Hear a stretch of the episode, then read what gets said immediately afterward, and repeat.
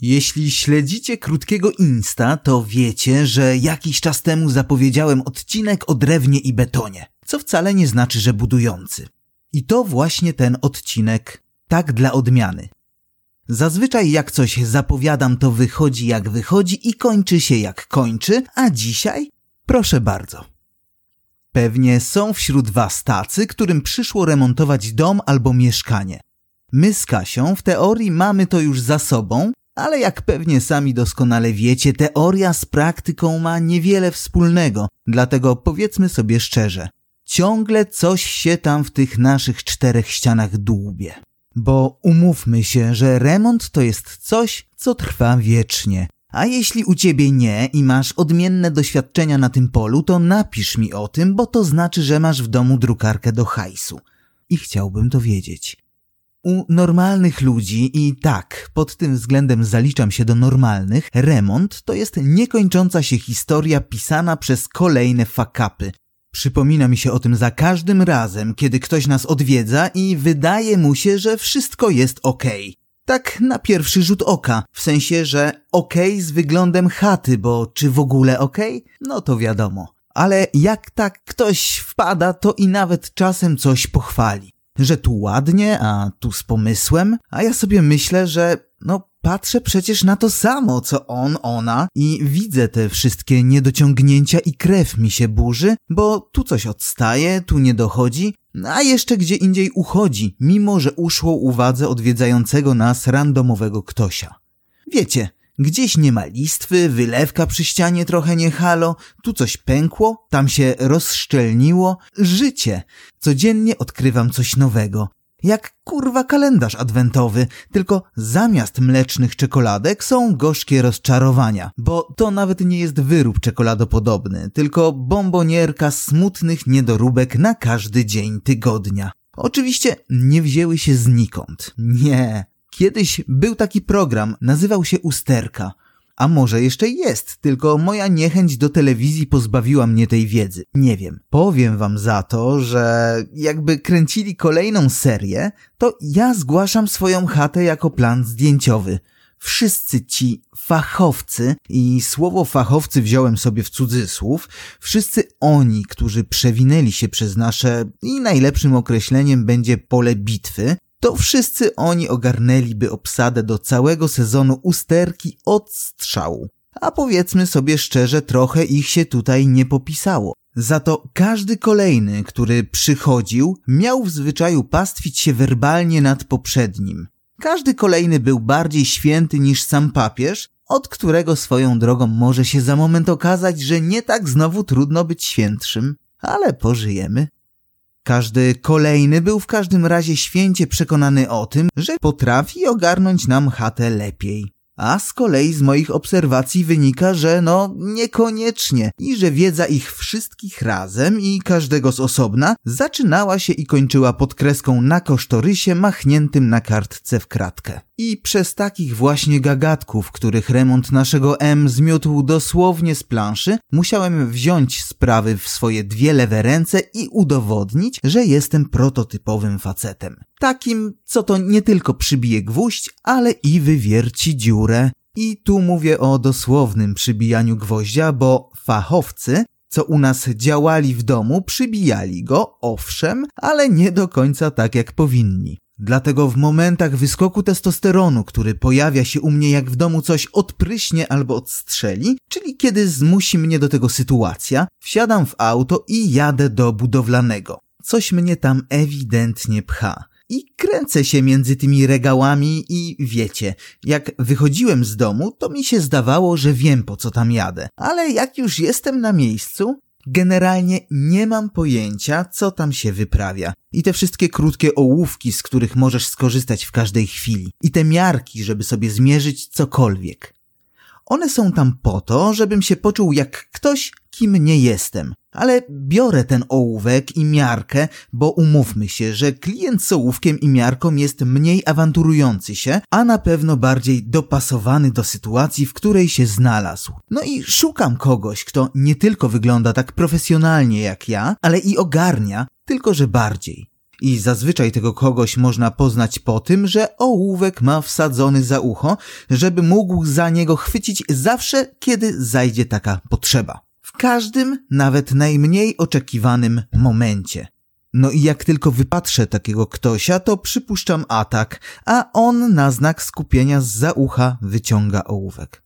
Zaczynam drążyć, a że jestem kiepski w remonty i kiepski to właściwie i tak mało powiedziane, a do tego nie do końca wiem po co przyjechałem, to jak już dorwę ofiarę, to drążę, aż nie wydrążę i nie skumam, czego ja właściwie chcę.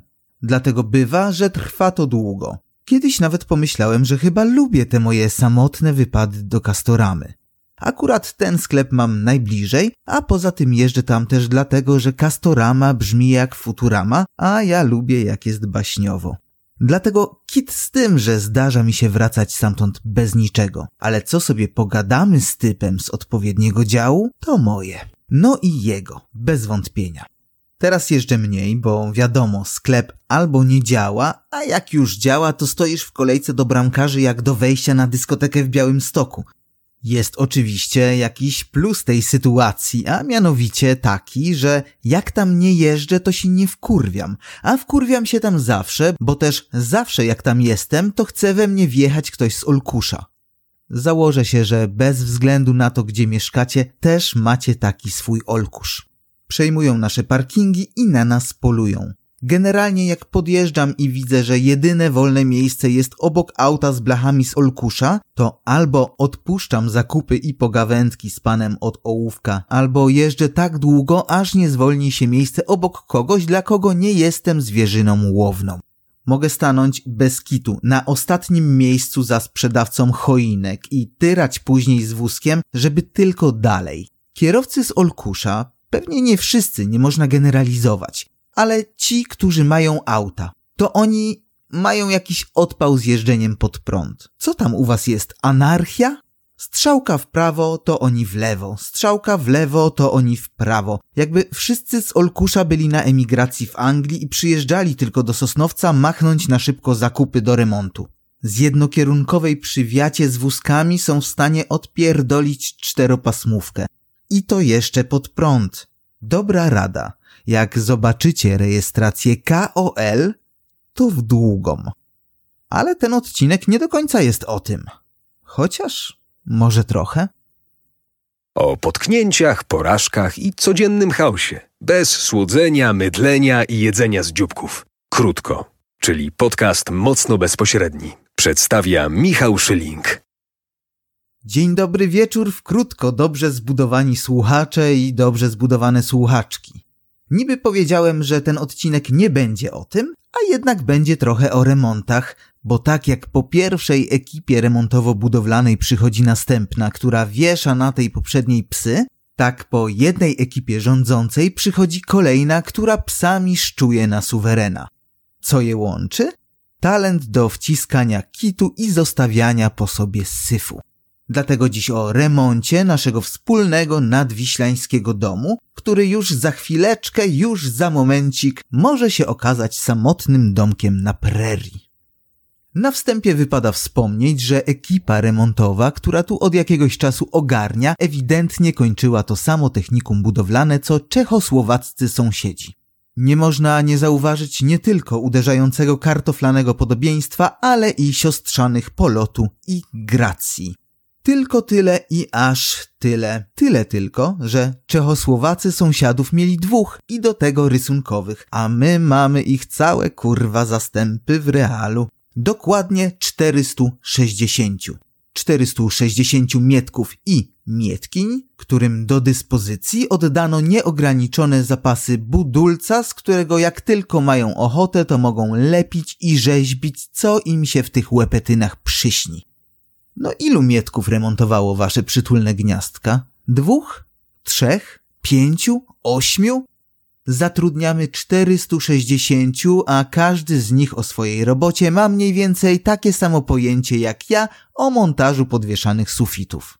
A nie mam wcale, poza tym, że wiem, że to sufit i że wisi. Widzicie? Nie chcielibyście, żebym wam cokolwiek podwieszał. Tymczasem kilka lat temu coś się posypało. Ktoś zobaczył, że jakaś listwa nie dochodzi tak jak powinna i ten ktoś doszedł do wniosku, że przydałaby się nowa ekipa remontowa. To znaczy ktoś. Kilkanaście milionów ludzi. Może chcieli dobrze, nie wiem. Pomyśleli, wiecie, że może tu coś podmalują, tutaj coś poprawią i może nie wystawią za to faktury, no ale nie wezmą dużo i przede wszystkim nie wystawią nas też do wiatru. A ci przyszli, obejrzeli, powiedzieli klasycznie, że poprzednia ekipa spierdoliła i wiadomo, no zrobi się. A ta nasza Hawira może momentami, no trzęsła się, to fakt, ale wiedzieliśmy, gdzie co stoi i mieliśmy w miarę poukładane. A ci wjechali na pełnej i zamiast kosmetycznych poprawek, o których chcę wierzyć, myślała większość tych, która była za ich zatrudnieniem, w każdą szczelinę, każdą pustkę i ubytek wlali beton. We wszystko, co tylko się dało. A dało się, no co wam będę mówić. Ubytków znaleźli całą masę i na nie właśnie liczyli. Dlatego zaczęli odlania betonu w puste łby, którym właściwie było obojętne, co się do nich wlewa i co je wypełni. I co się okazało? Że beton się przyjął. I to przyjął się na tyle, że można było zacząć na nim formować solidne fundamenty nowego, szczęśliwego domu. Takiego, w którym zmieszczą się wszyscy. Wszyscy tacy sami, z ciężkimi głowami pełnymi szarych, skamieniałych myśli.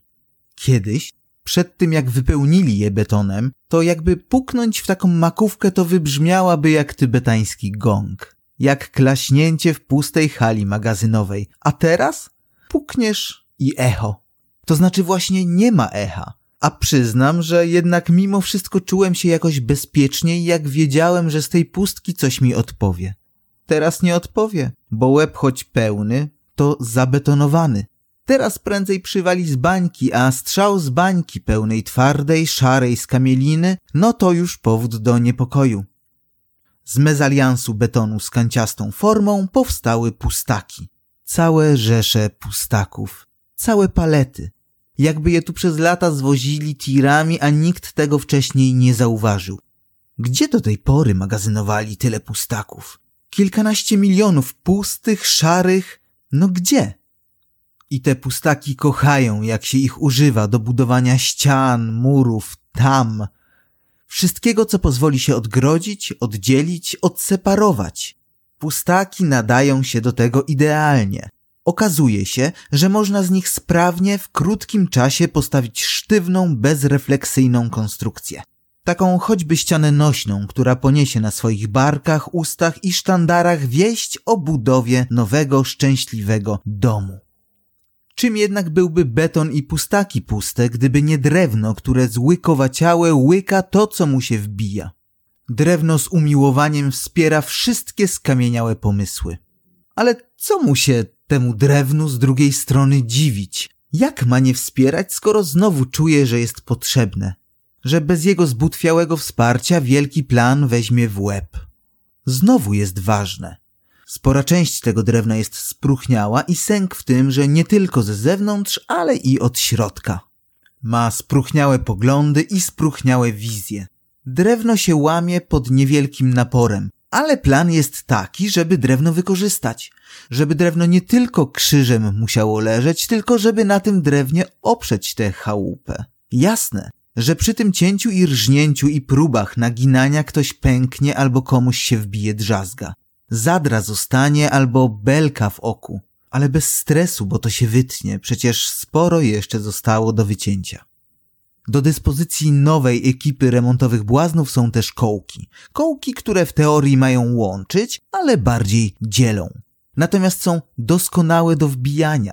Kołki, wysypane w dużej ilości na ulicę, bez różnicy, czy to w pełnym umundurowaniu, czy jako kołki incognito, zawsze pozostaną kołkami kołkami, które choć idealnie wchodzą i pasują do tej pełnej betonu i drewna konstrukcji, to już niekoniecznie pasują nam, czyli tym, którzy w tej na siłę remontowanej hacjendzie będą mieszkać. Bo obawiamy się o to, czy nam dach nie spadnie na głowę? No może trochę, bo bez względu na ilość rzuconych do akcji kołków, zbutwiałych belek i pustaków, ta konstrukcja po prostu musi się zawalić. Z kolei młotki to rzecz oczywista. Dopełnienie tego przechodzonego składu materiałów wszelakich. Powiedziałby wam to zresztą każdy przypadkowy pan z ołówkiem za uchem z pierwszej lepszej alejki w Kasto.